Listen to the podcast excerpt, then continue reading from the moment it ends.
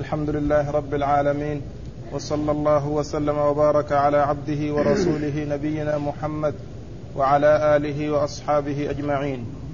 قال الإمام النسائي رحمه الله باب التيمم لمن يجد الماء بعد الصلاة.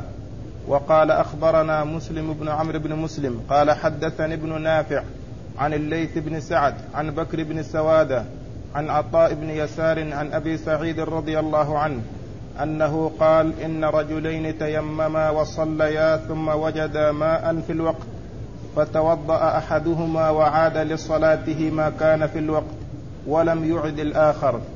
فسأل النبي صلى الله عليه وسلم فقال للذي لم يعد أصبت السنة وأجزأتك صلاتك؟ وقال للآخر أما أنت فلك مثل سهم جمع. بسم الله الرحمن الرحيم. الحمد لله رب العالمين وصلى الله وسلم وبارك على عبده ورسوله نبينا محمد وعلى آله وأصحابه أجمعين. أما بعد يقول النسائي رحمه الله باب التيمم لمن يجد الماء بعد الصلاة. لمن يجد الماء بعد الصلاة. مراد النسائي بهذه الترجمة هو أن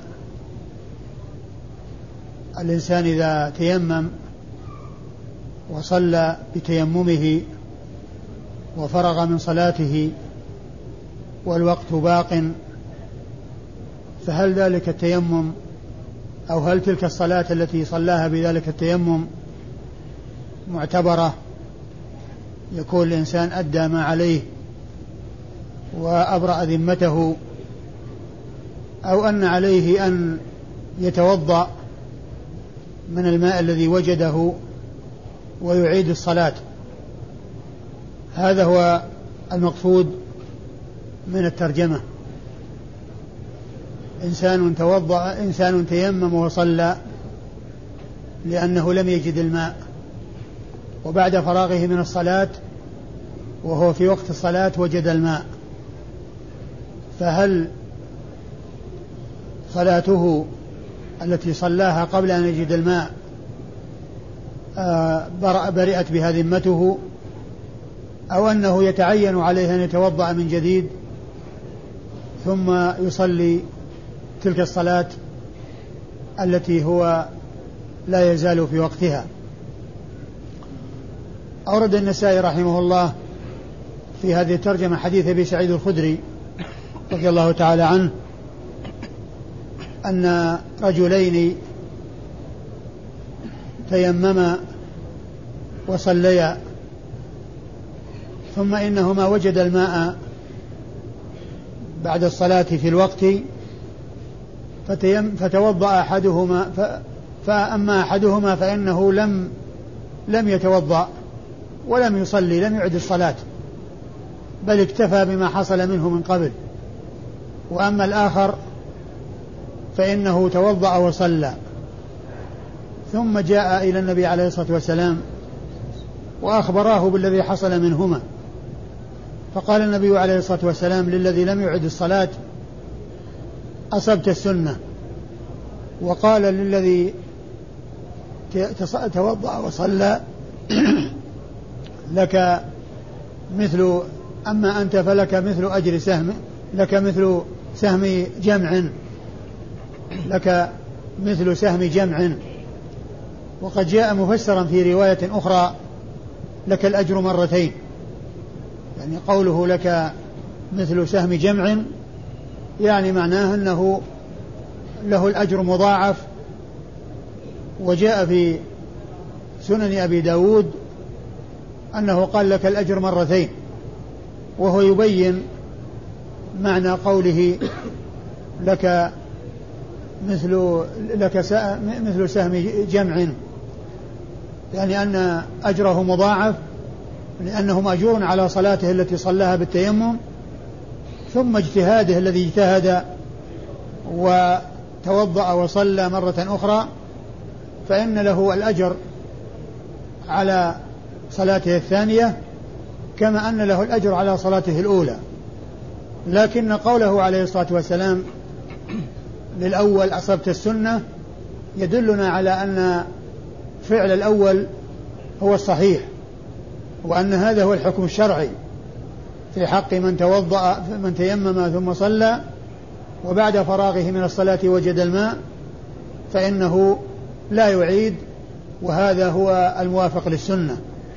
لكن هذين الاثنين من الصحابة اللذين اللذين أتيا رسول الله صلى الله عليه وسلم اجتهدا ولم يكن عندهما معرفة بالسنة ولكن بعدما بين رسول الله عليه الصلاة والسلام أن عدم إعادة الصلاة هو السنة وأن من فعل ذلك أصاب السنة دلنا هذا على أن الحكم الشرعي آه بعد معرفة آه ما قاله رسول الله عليه الصلاة والسلام أن من توضأ تيمم وصلى وبعد فراغه من الصلاة وجد الماء فإنه وهو لا يزال في الوقت فإنه لا يتوضأ ويعيد الصلاة بل قد أدى ما عليه وبرئت ذمته بالصلاة التي أداها بالتيمم.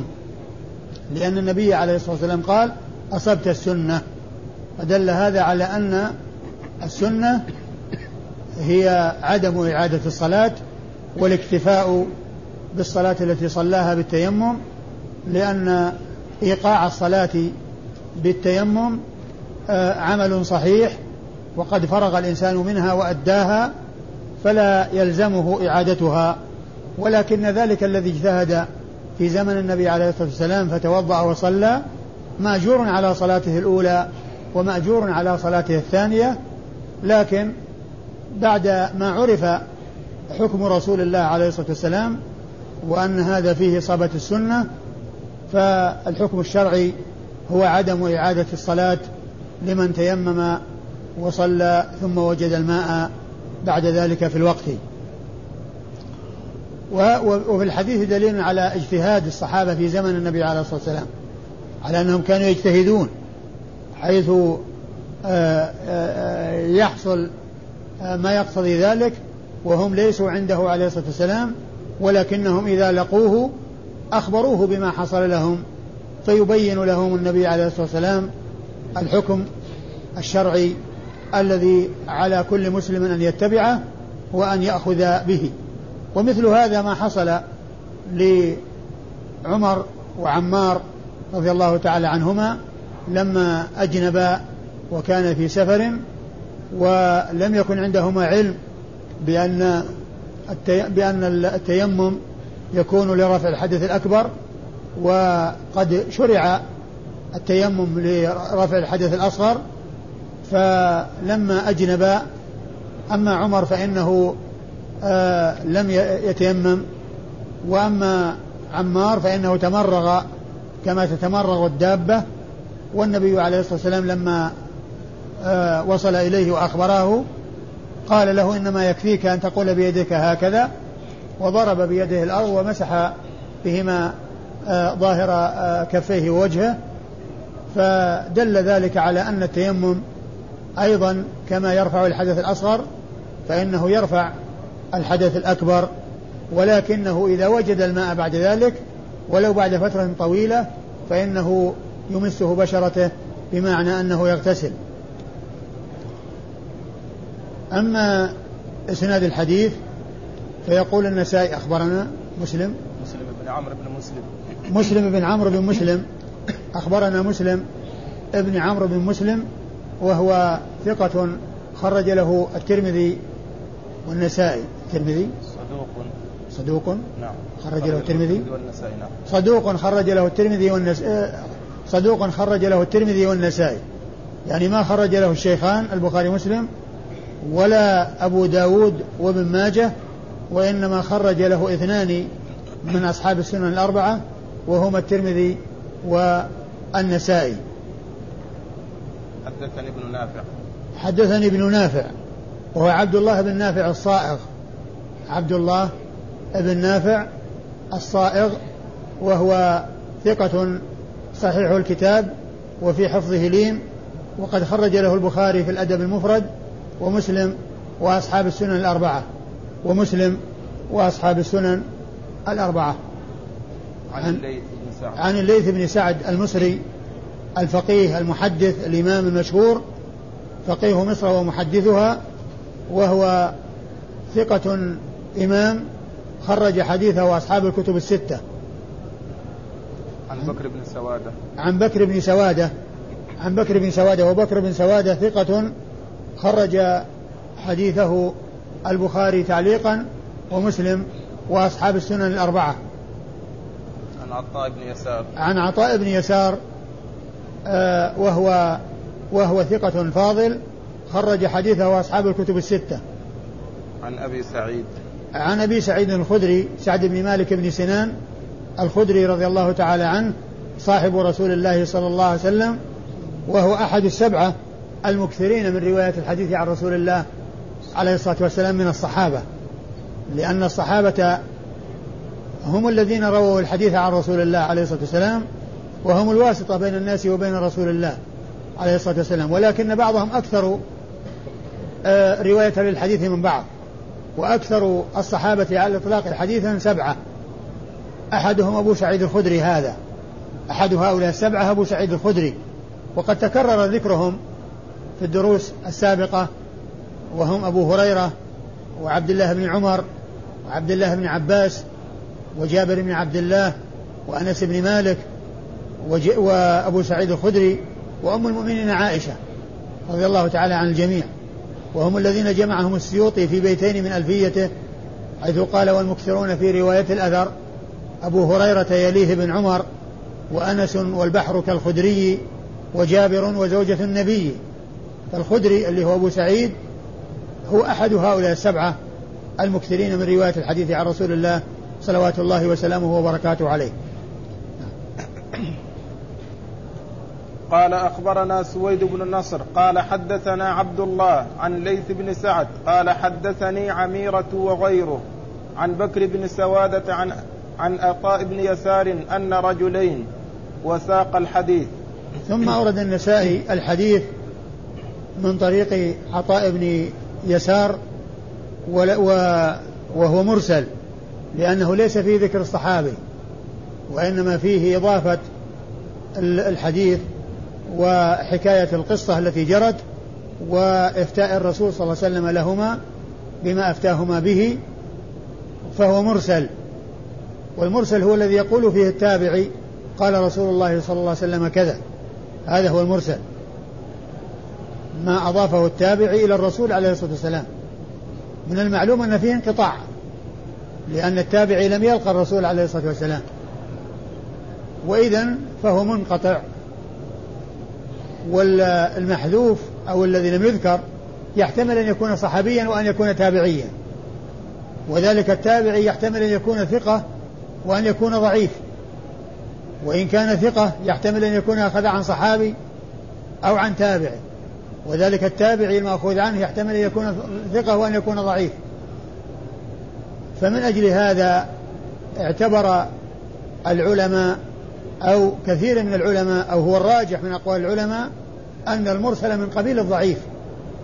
لكن هذا حيث لا يأتي ما يساعده ويؤيده. أما وأن يكون الحديث ثابت من غير طريق المرسل أو من غير الطريق المرسلة فإن المتن يكون ثابت ولكنه من حيث الإسناد هو ضعيف. ولكنه ما دام أن الحديث ثابت فهذا المرسل لم يكن آه، التعويل عليه والاعتماد عليه وإنما الاعتماد على الطريق الموصولة التي ذكر فيها الصحابي. وإذا فذكره مرسلا لا يؤثر لأن الحكم لم يبنى عليه وإنما بني على غيره. أما لو كان الحديث لم يأتي إلا من طريق مرسلة ولم يأتي موصولة طريق أخرى موصولة تثبت ذلك المتن فإنه يكون ضعيفا ولا يعتمد عليه. لكن هذا الذي معنا هو هو موجود موصول بطريق متصلة فيكون ذلك المرسل ثابتا لأن البناء لم يكن على المرسل وإنما هو وإنما هو البناء على غيره. فوجوده يعني يدل على أن له أصل وأن متنه ثابت وأن متنه ثابت. ولو لم يأتي طريق أخرى موصولة فإن الحديث يكون ضعيف يكون ضعيفا لأن المرسل من قبيل الضعيف. وذلك لما ذكرته من أن الساقط يحتمل يكون صحابي وأن يكون تابعي وإذا كان تابعيا يحتمل يكون ضعيفا ثقة وأن يكون ضعيفا فلأجل هذا الاحتمال اعتبر المرسل من قبيل المردود ومن قبيل الضعيف وهذا هو القول الراجح والمسألة خلافية بين العلماء بين بين المحدثين. أما إسناد الحديث فيقول النسائي أخبرنا سويد بن النصر. أخبرنا سويد بن نصر المروزي وهو ثقة خرج له الترمذي والنسائي. يروي عن عبد الله وهو ابن المبارك المروزي. وهو ثقة إمام ثقة إمام جواد مجاهد. قال عنه الحافظ بن حجر بعد أن ذكر جملة من صفاته وخصاله جمعت فيه خصال الخير. وقد خرج له أصحاب الكتب الستة. خرج له أي عبد الله بن المبارك أصحاب الكتب الستة. يروي عن عن الليث بن سعد. عن الليث بن سعد. وقد مر ذكره في الإسناد الذي قبل هذا. قال حدثني عميرة وغيره. قال حدثني عميرة وغيره. المراد بعميرة هو عميرة بن أبي ناجية. عميرة بن أبي ناجية الرعيني وهو ثقة آه، خرج له أبو داود والنسائي. ثقة خرج له أبو داود والنسائي وكلمة غيره هذه آه، يعني الذي روى مع مع عميرة مبهم هذا يسمى المبهم ولا يؤثر لأن كلمة وغيره وجودها مثل عدمها لأن العبرة على المظهر الذي هو عميرة وما دام أن المظهر والذي ذكر اسمه ثقة فسواء عرف ذلك الغير أو لم يعرف سواء ذكر ذلك الغير أو لم يذكر فإبهامه لا يؤثر وإنما يؤثر لو كان الإسناد ما فيه إلا مبهم لو كان الإسناد ما فيه إلا مبهم فإنه يكون مؤثر لأن ذلك المبهم لو عرف يحتمل أن يكون ضعيف ويكون ثقة. لكن لما كان ذكر أحد الرواة وأبهم غيره فذلك الإبهام لا يؤثر. ذلك الإبهام لا يؤثر وإنما يؤثر لو كان المبهم ذكر وحده في الإسناد. بأن قال حدثني رجل. لو قال لو قال الليث بن سعد حدثني رجل فإنه يكون مبهم غير معروف. لكن لما قال عميرة وغيره فالاعتماد على عميرة وغيره سواء كان ضعيفا أو ثقة وجوده مثل عدمه لا يؤثر. لكنه إذا كان ثقة فإنه يصير يعني زيادة. يعني آه زيادة راو يعني في الإسناد روى كما روى عميرة. عن عن بكر بن سوادة. عن بكر بن سوادة وقد مر في الإسناد الذي قبل هذا. عن عطاء بن يسار. عن عطاء بن يسار وقد مر أيضا. وهو الذي آه، هنا لم يذكر الصحابي وفي الإسناد الذي قبله ذكر الصحابي وهو أبو سعيد الخدري رضي الله عنه. فإذا يكون هذا المرسل ثابت من حيث أن أنه دل على ما دل عليه حديث موصول. قال أخبرنا محمد بن عبد الأعلى. قال أخبرنا خالد.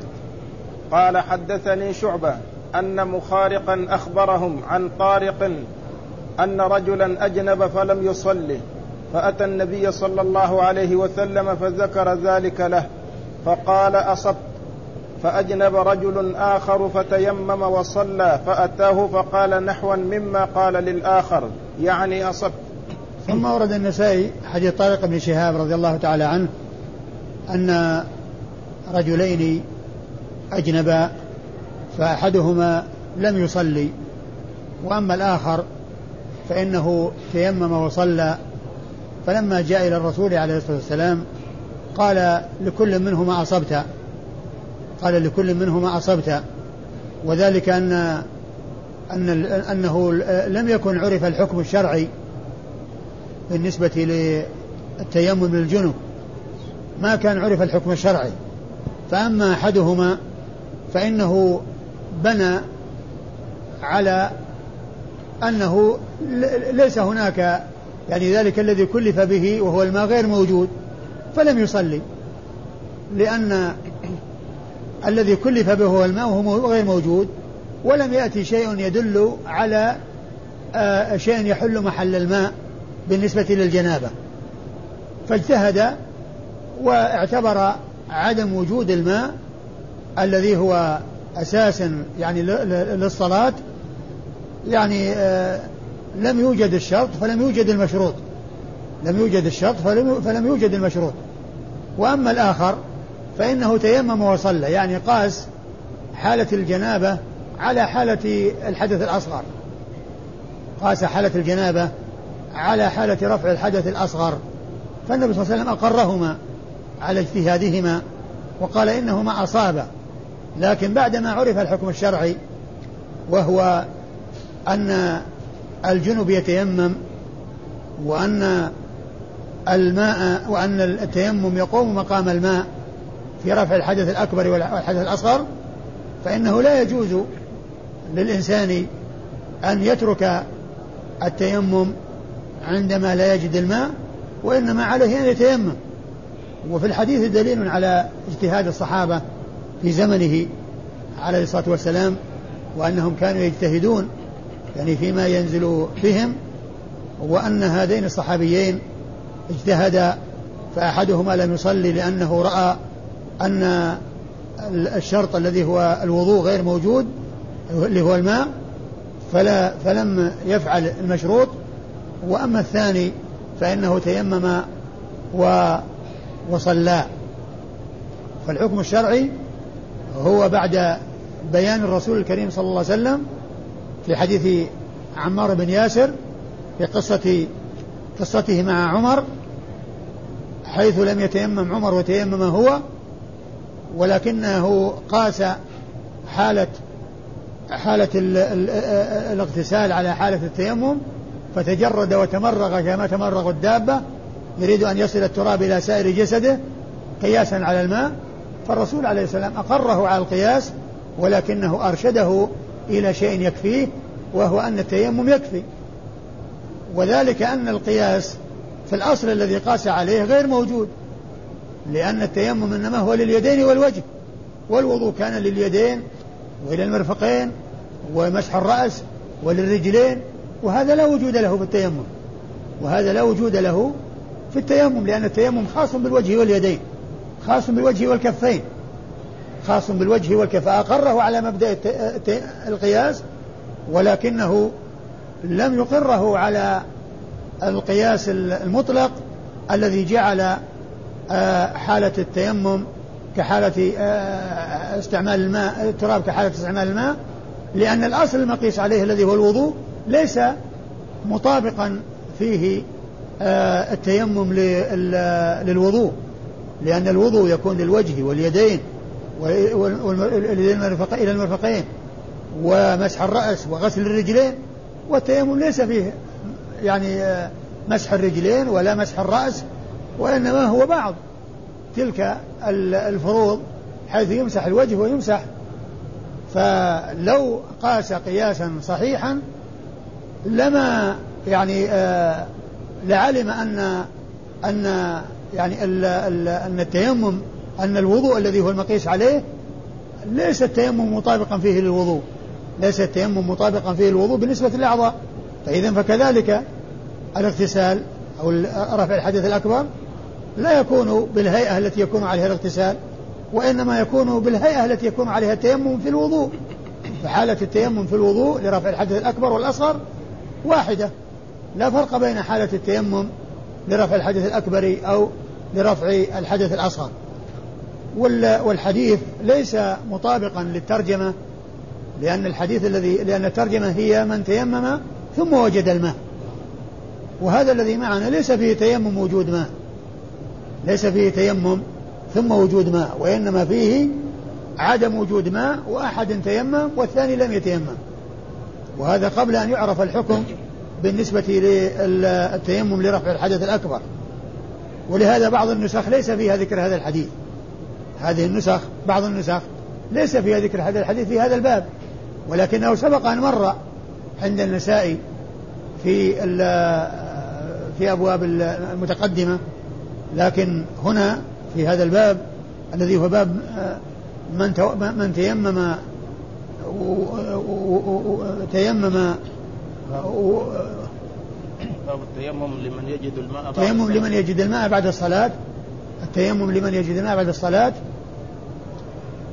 الحديث يعني ليس مطابقا لهذه الترجمة ولهذا بعض النسخ ليس فيها ذكر هذا الحديث.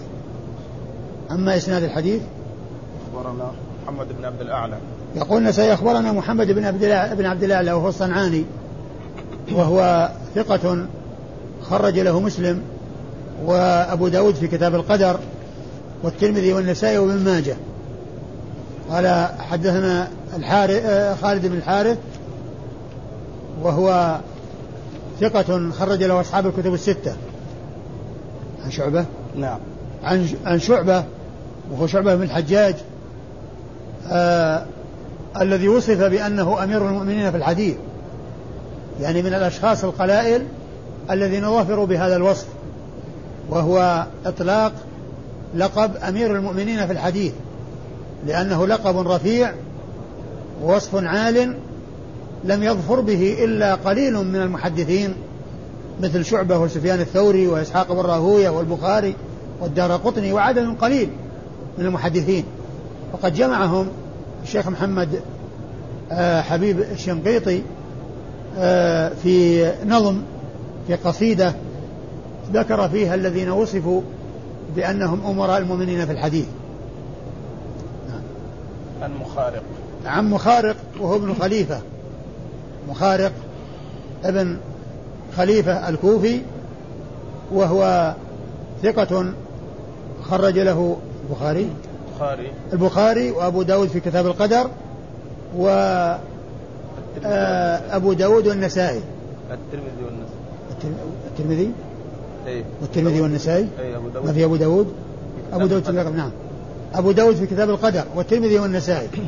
يعني ما خرج له مسلم ولا أبو داود في كتاب السنن ولا ابن ماجه وإنما خرج له البخاري وحده من أصحاب الصحيح وخرج له ولم يخرج له ابن ماجه وإنما خرج له الترمذي والنسائي وخرج له أبو داود في كتاب القدر ولم يخرج له في السنن.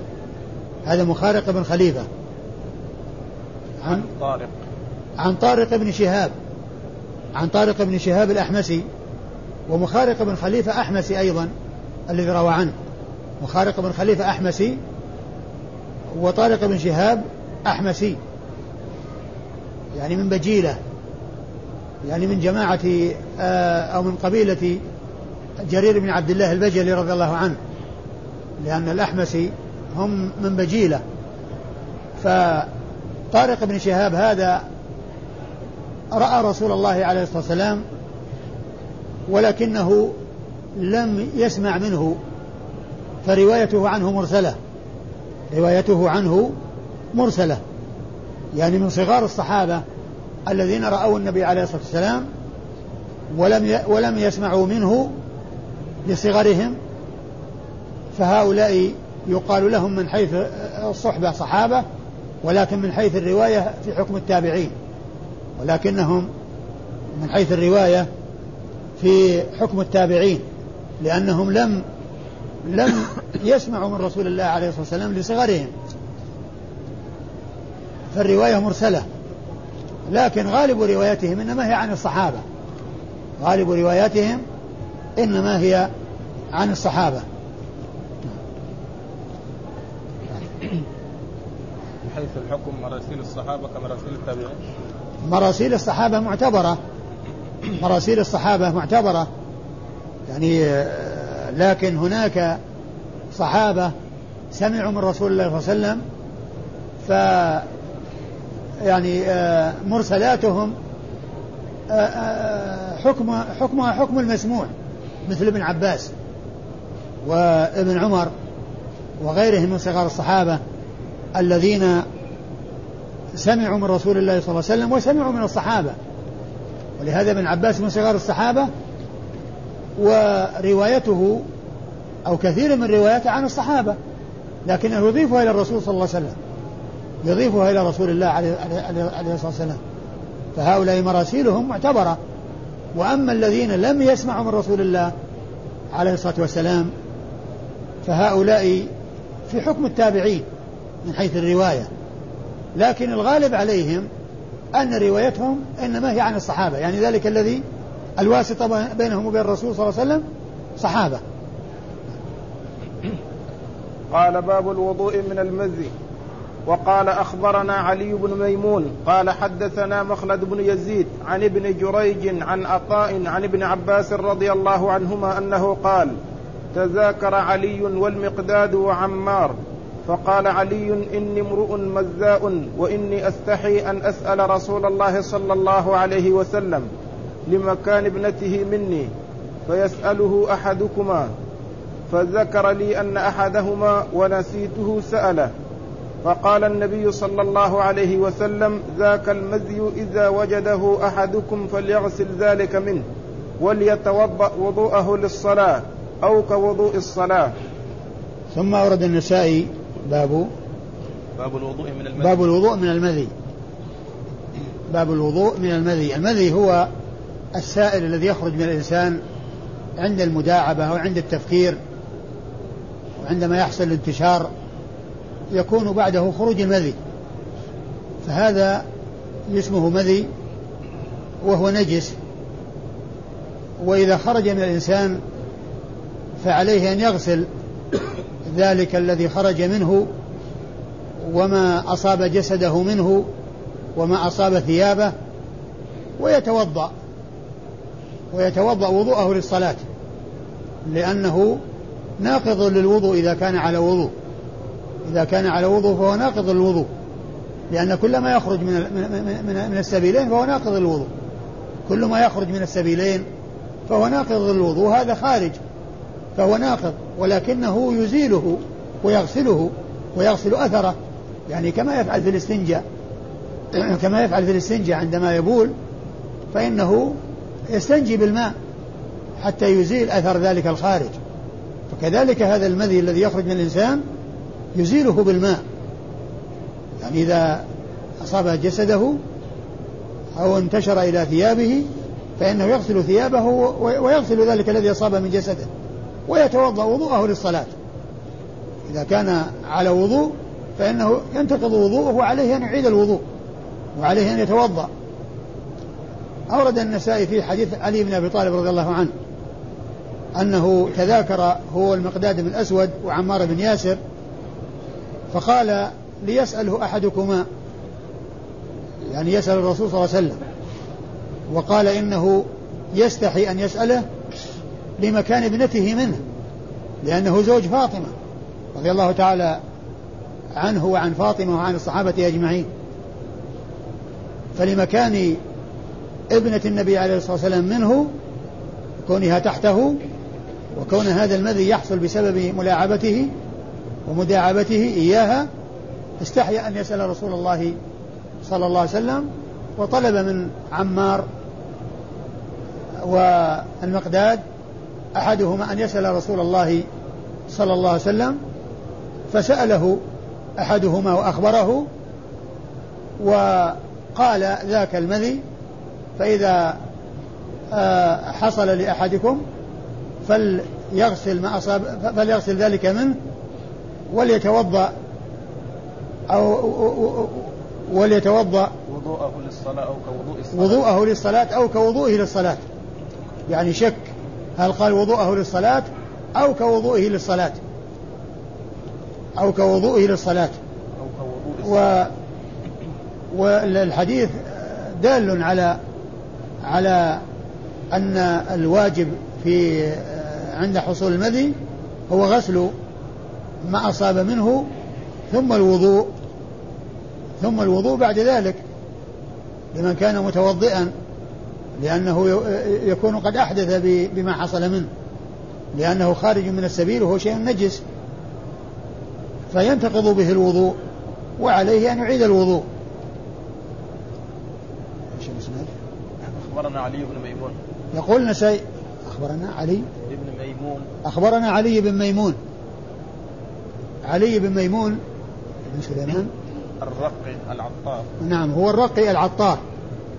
هو الرقي العطار خرج له ثقة خرج له النسائي وابن ماجه. ثقة خرج له النسائي وابن ماجه. علي بن ميمون الرقي العطار ثقة خرج له النسائي وابن ماجه. لم يخرج له البخاري ومسلم ولا أبو داود والترمذي. أيوه. حدثنا مخلد بن يزيد. حدثنا مخلد بن يزيد. ومخلد ابن يزيد صدوق. القرشي الحراني صدوق له أوهام. نعم القرشي الحراني صدوق له أوهام. وقد خرج له الجماعة إلا الترمذي. نعم. الجماعة إلا الترمذي. خرج له الجماعة إلا الترمذي. خرج له البخاري ومسلم وأبو داود والنسائي وابن ماجه. لم يخرج له الترمذي وحده. أيوه. عن ابن جريج. عن ابن جريج وهو عبد الملك بن عبد العزيز ابن جريج المكي. عبد الملك ابن عبد العزيز ابن جريج المكي وهو ثقة فقيه آه ثقة فقيه آه يدلس. يدلس وإيش؟ ويرسل ولا ليش يدلس؟ ما ما كتب ثقة فقيه يدلس. آه إيش بعده؟ عن عطاء. عن عطاء وهو بن أبي رباح. لأنه روى عن عطاء بن أبي رباح وروى عن عطاء الخراساني.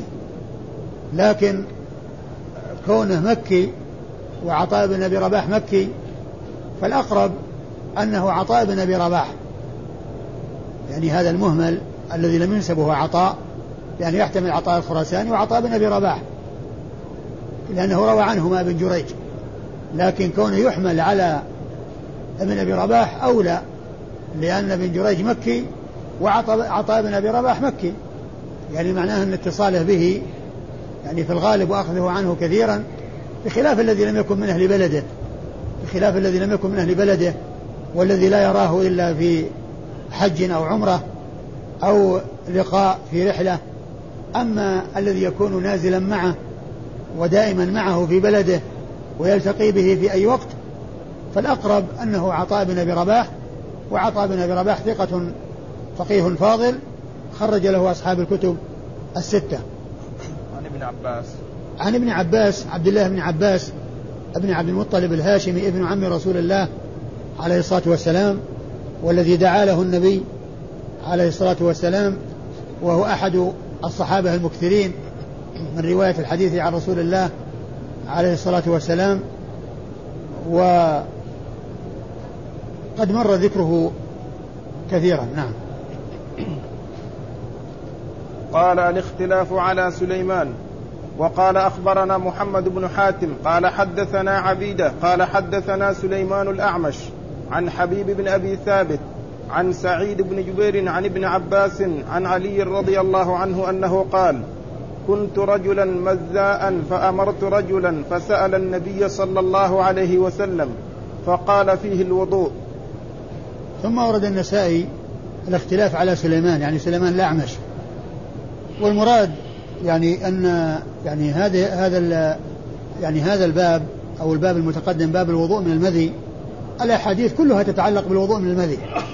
إلا أنه ذكر يعني آآ آه، آآ آه، الاختلاف على سليمان وهو أن يعني الذين رووا عن سليمان رووا أنه رواه من طرق متعددة. فذكر الاختلاف على سليمان وأتى بالطرق المتعددة التي روى بها سليمان عن عن غيره والذين رووا عنه رووا عنه آه، بطرق متعددة يروي بها هو. هذا هو المقصود بقوله الاختلاف على سليمان يعني سليمان الأعمش سليمان, سليمان بن مهران. وأورد فيه حديث علي رضي الله عنه حديث ابن عباس عن علي قال كنت رجلا مذاء فأمرت المقداد فأمرت رجلا. فأمرت رجلا أن يسأل رسول الله, رسول الله صلى الله عليه وسلم فقال فيه الوضوء. يعني معناه أنه ناقض للوضوء وأن على الإنسان أن يتوضأ منه. يعني وليس فيه اغتسال لأنه ليس جنابة. ليس فيه اغتسال وإنما فيه الوضوء فقط. لأن الاغتسال إنما يكون بخروج المني الذي هو الجنابة. أما خروج المذي الذي بدون لذة وبدون دفق وإنما يكون عند الانتشار وعند التذكر أو عند المداعبة والملاعبة فهذا لا يكون فيه اغتسال وإنما فيه الوضوء فقط. وإنما فيه الوضوء فقط. إيش يقول الإسناد؟ أخبرنا محمد بن حاتم. أخبرنا محمد بن حاتم ابن سليمان الزمي الخراساني وهو ثقة. هو أنه المروزي. نعم. تقدم هذا انه المروزي ثقة روى له النسائي وحده وين تقدم فيه نفس الحديث؟ لا لا في الدروس السابقة؟ في الدروس السابقة هو هو عندنا اثنان إيش اللي من الذي روى عنه؟ محمد بن حاتم؟ الآن يروي عن عبيدة عبيدة في ترجمة عبيدة أو في ترجمة محمد بن حاتم بن ابن آه، آه، ابن سليمان الزمي الخراساني أنه روى عن عبيدة روى عن عبيدة بن حميد روى عن عبيدة بن حميد. فيكون هو هذا. أما ذاك يمكن أن يكون في آه، الراوي شخص آخر لأن في محمد بن حاتم عدد. محمد بن حاتم ميمون ومحمد بن حاتم بن سليمان الزمي وعدد آخر. ومنهم من روى له النسائي ومنهم من لم يروي له. لكن هنا آه، في ترجمة آه، محمد بن حاتم بن سليمان الزمي الخراساني قال إنه روى عن عبيدة بن حميد. روى عن عبيدة بن حميد. عبيدة بن حميد آه، هذا الزمي إيش قال فيه؟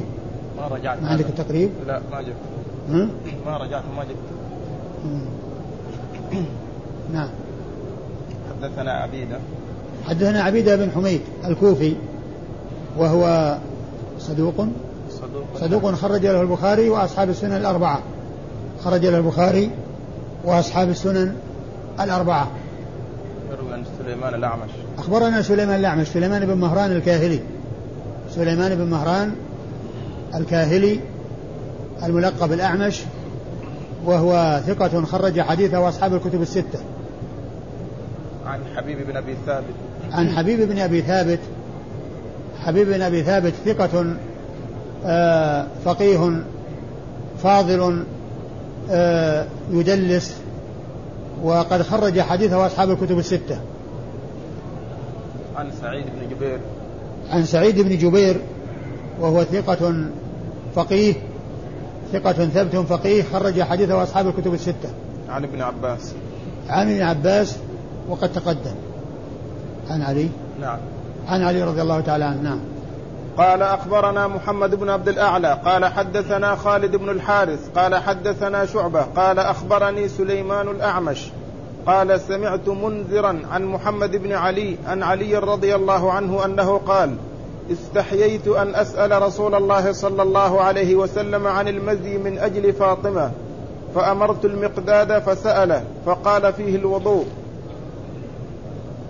ثم أورد النسائي حديث علي رضي الله عنه من طريق أخرى وهي من طريق الأعمش. آه، وهي بمعنى ما تقدم أنه كان آه، رجلا مذاء فاستحيا أن يسأل رسول الله صلى الله عليه وسلم في مكان ابنته منه فأمر المقداد فسأله فقال فيه الوضوء. وهنا بين الشخص الذي سأل وأنه المقداد. قال فيه الوضوء. يعني أنه ليس فيه الغسل وإنما فيه الوضوء. والإسناد محمد بن عبد الأعلى عن خالد بن الحارث عن شعبة عن سليمان الأعمش كلهم مر ذكرهم.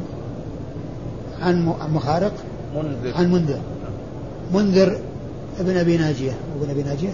لا ما رجعت هو منذر بن أبي ناجية. منذر ابن أبي ناجية وهو ثقة من خرج له؟ ما ما جبت الكتاب. لا. هذا منذر بن أبي ناجية ولا إيه؟ عمير نعم. عمير بن أبي ناجية ولا منذر؟ لا هذا ذاك منذر بن يعلى نعم, نعم. ابن أبي ناجية آه، عميرة. عميرة. هذا منذر بن يعلى أبو يعلى. منذر بن يعلى أبو يعلى. خرج له من خرج له؟ ما رجع. من خرج له؟ عندك في ها؟ إيش إيش فيه؟ نعم. ما علقت عليه هناك؟ إيه. إيه. منذر منذر ابن ابن يعلى أبو يعلى. 100 وكم؟ إيه. يمكن تجده. نعم. نعم خرج له الجماعة. كلها ثابتة. وإن كان يعني بعضها يعني فيه يعني شيء من حيث الاختلاف في في السماع كهذه الرواية التي معنا إلا أنها ثابتة بالطرق الأخرى. لأن الحديث يعني المتن ثابت. يعني لأنه ما جاء من هذه الطريق وحدها وإنما جاء من طرق كثيرة. فالمتن ثابت يعني سواء يعني صحت هذه الطريقة أو ما صحت. والعبرة والتعويل على غيرها ليس عليها. آه إيش يقول؟ المتن؟ المتن؟ أيوه. قال علي أرسلت المقداد إلى رسول الله صلى الله عليه وسلم يساله عن المزي فقال توضأ وانضح فرجك قال توضأ وانضح فرجك. يعني اللي هو يغسل فرجه ويتوضا يغسل فرجه ويتوضا وهنا الترتيب يعني آه ليس لأن ليس هذا على الترتيب. ليس آه، ذكر التوضؤ ذكره أولا. لا يعني أنه يكون أولا وإنما نضح الفرج يكون أولا. وإنما هذا الواو كما يقولون لا تقتضي الترتيب وإنما هي لمطلق الجمع. وإنما ينضح فرجه ويتوضأ.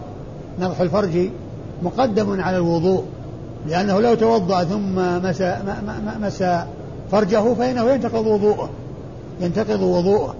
وإنما ينضح فرجه أولا بمعنى يغسله ويتوضأ بعد ذلك. والإسناد؟ أخبرنا أحمد بن عيسى. أخبرنا أحمد بن عيسى. أحمد بن عيسى. ابن حسان المصري التستري صدوق ابن المشهور بابن التستري. نعم. المشهور المعروف بابن التستري وهو صدوق. خرج له البخاري ومسلم والنسائي وابن ماجه. خرج له البخاري ومسلم والنسائي وابن ماجه. خرج له صاحب الصحيح واثنان من أصحاب السنة الأربعة وهما النسائي وابن ماجه. عن ابن وهب. عن ابن وهب عبد الله بن وهب المصري وهو ثقة فقيه حديثه عند أصحاب الكتب الستة. قال وذكر كلمة معناها أخبرني مخرمة. يعني كأن كأنه ما ضبط الصيغة التي قالها التي قالها مخرمة. يعني ولهذا قال معناها أخبرني مخرمة. وذكر كلمة معناها أخبرني مخرمة. يعني فهو عدم جزم بالصيغة التي قالها. ولكن هذا هو معناها. أيوة. ومخرمة هو ابن بكير بن عبد الله بن الأشج. بكير بن عبد الله ابن الأشج. إيش قال عنه؟ قال صدوق وروايته عن أبيه وجادة من كتابه. نعم صدوق وروايته عن أبيه وجادة كما قال أحمد بن حنبل وغيره وعن عن, عن يحيى بن معين. نعم قال أنه قال, قال سمع من أبيه قليلا. لا هذا هذا ابن المديني يقول. ابن المديني؟ نعم. نعم ابن المديني. يقول سمع من أبيه قليلا يعني مختلف في سماع من أبيه. مختلف في سماع من أبيه والنسائي ممن يرى أنه لم يسمع من أبيه شيئا. يعني كما قاله آه، أحمد بن حنبل وابن معين. وابن معين. ولهذا قال قال أبو عبد الرحمن مخرمة لم يسمع من أبيه شيئا. مخرمة لم يسمع من أبيه شيئا. ويحيى وعلي بن المديني قال إنه سمع منه قليلا.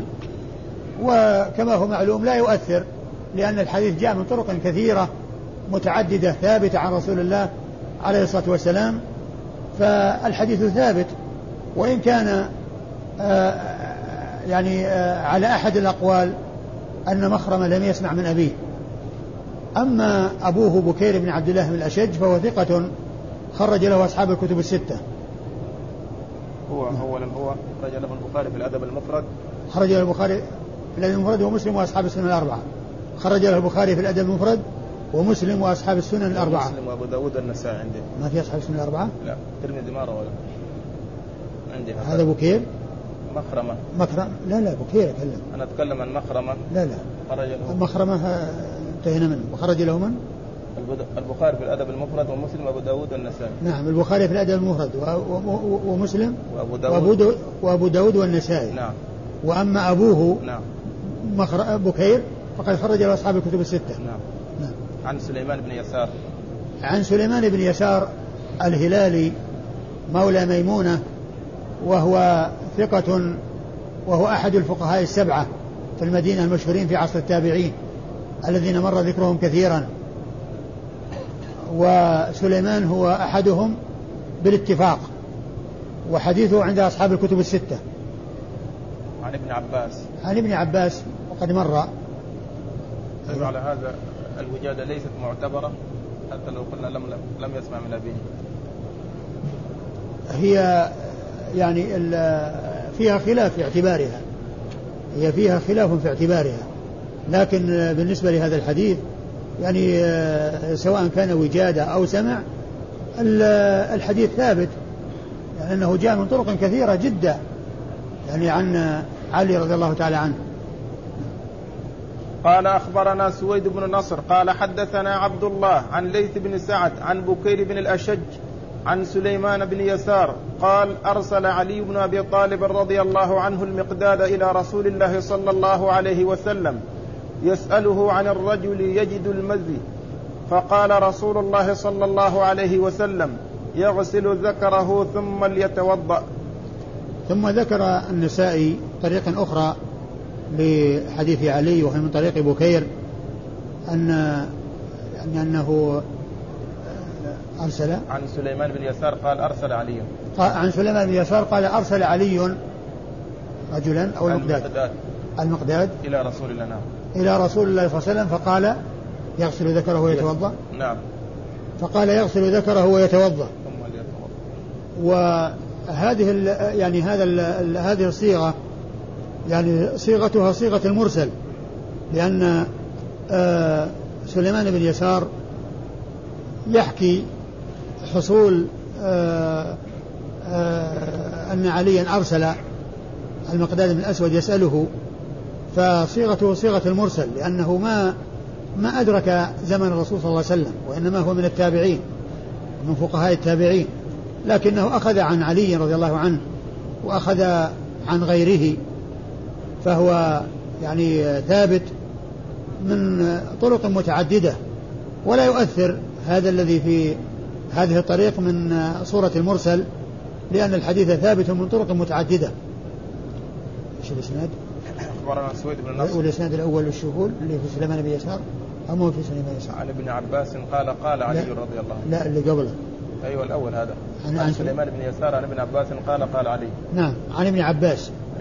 يعني هنا يعني هناك يروي عن ابن عباس وهنا يعني لما ذكر ابن عباس فصورته صورة المرسل ولكن آه ولكنه ثابت بالطرق الأخرى عنه وعن غيره. أخبرنا سويد بن النصر أخبرنا سويد بن نصر عن عبد الله بن المبارك عن, عن شعبة؟ عن ليث بن سعد. عن ليث بن سعد وقد مر ذكر هؤلاء الثلاثة. عن بكير بن الأشج. عن بكير بن الأشج أيضا مر ذكره. عن سليمان. عن سليمان بن يسار وهو أحد الفقهاء السبعة وقد مر ذكره. عن ابن عباس؟ نعم لا ما في لا ما ليس في ذكر نعم. إيش بعده؟ قال أخبرنا عتبة بن عبد الله. قال قرئ على مالك وأنا أسمع عن أبي النضر عن سليمان بن يسار عن المقداد بن الأسود عن علي بن أبي طالب رضي الله عنه. أنه أمره أن يسأل رسول الله صلى الله عليه وسلم عن الرجل إذا دنا من المرأة فخرج منه المزي فإن عندي ابنته وأنا أستحي أن أسأله. فسأل رسول الله صلى الله عليه وسلم عن ذلك فقال إذا وجد أحدكم ذلك فلينضح فرجه وليتوضأ وضوءه للصلاة. ثم ورد النسائي حديث آه علي رضي الله عنه في قصة آه استفتائه بالواسطة آه، من المذي وإجابة النبي صلى الله عليه وسلم إياه وهو مثل ما تقدم. وأما إسناد الحديث يقول النسائي أخبرنا عتبة بن عبد الله وهو اليحمدي الكوفي. هو المروزي. نعم هو اليحمدي المروزي وليس الكوفي وهو صدوق خرج له النسائي وحده. عن قال قرئ على مالك وأنا أسمع. مالك بن أنس إمام دار الهجرة الإمام المحدث الفقيه وحديثه أخرجه أصحاب الكتب الستة. عن أبي النضر. عن أبي النضر وهو سالم بن أبي أمية سالم بن أبي أمية المدني وهو ثقة. خرج له الجماعة ثقة ثبت نعم خرج له الجماعة ثقة ثبت خرج له أصحاب الكتب الستة. عن سليمان بن يسار. عن سليمان بن يسار عن عن المقداد بن الأسود عن علي. عن سليمان بن يسار عن المقداد بن الأسود. وقد مر سليمان بن يسار والمقداد بن الأسود هو المقداد بن عمرو ويقال له المقداد بن الأسود لأنه تبناه الأسود بن عبد يغوث الزهري فنسب إليه وإلا فإنه المقداد بن عمرو.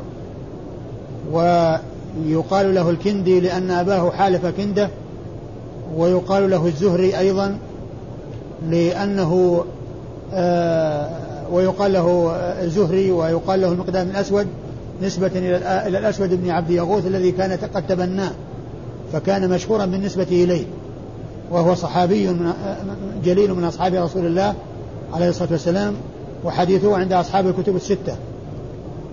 انتهى؟ عن علي نعم انتهى. انتهى الباب؟ إيه؟ والله أعلم وصلى الله وسلم وبارك على عبده ورسوله نبينا محمد وعلى آله وأصحابه أجمعين. هذا السائل يقول فضيلة الشيخ نرجو من فضيلتكم التنبيه على أمر قد يعد منكرا وهو أن بعض طلاب العلم يزهد في الصفوف الأولى القريبة من الإمام ويكتفي بالجلوس عند كرسي الشيخ ليكون قريبا منه. فالمرجو منكم التنبيه على هذا الأمر. نحن نبهنا على هذا مرارا وهو أن خير كما قال الرسول عليه الصلاة والسلام خير صفوف الرجال أولها وشرها آخرها. والإنسان يمكن أن يصلي في الصفوف الأول متى تيسر له ذلك وبالنسبة للدرس فإنه يمكنه أن يستفيد مع وجود آه، هذه السماعات فإنه إن شاء الله يحصل الأمرين يحصل آه، ثواب التقدم في الصفوف ويحصل أيضا الاستفادة من الدرس. هذا السائل يقول إذا أحس الإنسان وهو في الصلاة خروج المذي فماذا يفعل؟ لا ينصرف بمجرد التوهم وإنما إذا تحقق ذلك وجزم ذلك ووجد البلل فإنه يقطع الصلاة ويذهب ويغسل ويتوضأ ويصلي إلا إذا كان هذا يعني إذا كان به سلس بول إذا كان به سلس بول فهذا له حكم آخر هذا يصلي على حسب حاله. وأما إذا كان وجد أو شعر بأنه خرج منه شيء وتحقق ذلك فإنه يقطع الصلاة. أما إذا كان مجرد يشك فإنه لا يقطع كما جاء في الحديث. سئل عن الرجل يخيل له أنه يجد شيئا في الصلاة فقال لا ينصرف حتى يسمع صوتا ويجد ريحة بالنسبة لما يخرج من منه. يعني من, من, من إما أن يشم وإما أن يسمع. لما يخرج منه صوت أو يشمه ولا يخرج بمجرد التوهم. وله سؤال آخر يقول إذا احتلم المسافر والجو بارد شديد ماذا يفعل؟ هل يغتسل أو ماذا يصنع إذا كان الماء موجود معه وعنده ما يسخنه فإنه يسخنه ويغتسل وإذا كان ما عنده ما يسخنه به وأنه لو اغتسل فإنه يضر فإنه يتيمم. هذا السائل يقول في دعاء الاستفتاح وتعالى جدك يقول قد يطرأ على ذهن الإنسان أن لله جد. آه الله عز وجل يقول قل هو الله أحد الله الصمد لم يلد ولم يولد ولم يكن له كفوا أحد. والجد هو يعني يحتاج الإنسان إلى أن يعرف المعاني لأن الجد يأتي بمعنى بعدة معاني. يأتي بمعنى الجد الذي هو أبو الأب ويأتي بمعنى الحظ والنصيب ويأتي بمعنى العظمة والجلال وهنا بمعنى العظمة والجلال. مثل قوله وأنه تعالى جد ربنا ما اتخذ صاحبة ولا ولدا. يعني تعالت عظمته وجلاله. فالجد هنا بمعنى العظمة. وتعالى جدك يعني تعالى تعالت عظمتك وجلالك. هذا هو المقصود بالجد. لأن الجد يعني يطلق على معاني. معنى الجد اللي هو أبو الأب ومعنى الجد الذي هو الحظ والنصيب الجد بالجد والحرمان بالكسل. فانصب تصب عن قريب غاية الأمل. يعني الجد بالجد يعني الحظ والنصيب يحصل بالجد والاجتهاد ما هو بالكسل والخمول. فالجد بمعنى الحظ والنصيب. ويأتي بمعنى العظمة وهنا بمعنى العظمة وتعالى جدك يعني عظمته. وأنه تعالى جد ربنا يعني عظمة ربنا. هذا هو المقصود بالجد في الآية والحديث. تعالى جدك تعالى جد ربنا. هذا السائل يقول شخص نام وعليه جنابة هل عليه شيء؟ آه الأولى للإنسان إذا إذا أراد أن ينام وعليه جنابة فليتوضأ كما جاء ذلك عن رسول الله عليه الصلاة والسلام. وإذا نام ولم يتوضأ يعني في بعض الأحيان لا بأس بذلك لكن الأولى أن يكون متوضئا. شخص أرسل في ورقة اسم شخص تعرفونه ما أدري يعني يسلم عليك. الشيخ علي أبي بكر العدني هكذا كاتب نعم. تعرف يسلم عليك يقول عليكم السلام. هذا السائل يقول حديث عطاء بن يسار عن أبي سعيد عن الرجلين اللذين تقدم معنا. هذا الحديث يقول من رواية أرسله ابن المبارك ووصله ابن نافع وابن المبارك اوثق واثبت من ابن نافع. لماذا لا يحمل هذه الرواية على الأخرى؟ وين المبارك؟ اللي اي كلاهما يعني مر بنا. لا هو هو عبد الله بن نافع. يعني آه قال صحيح الكتاب وفي حفظه لي. نعم هو ذكر. لكنه جاء من طريق أخرى موصولة عند ابن السكن وذكرها الشيخ ناصر الدين الألباني. في تعليقه على المشكات.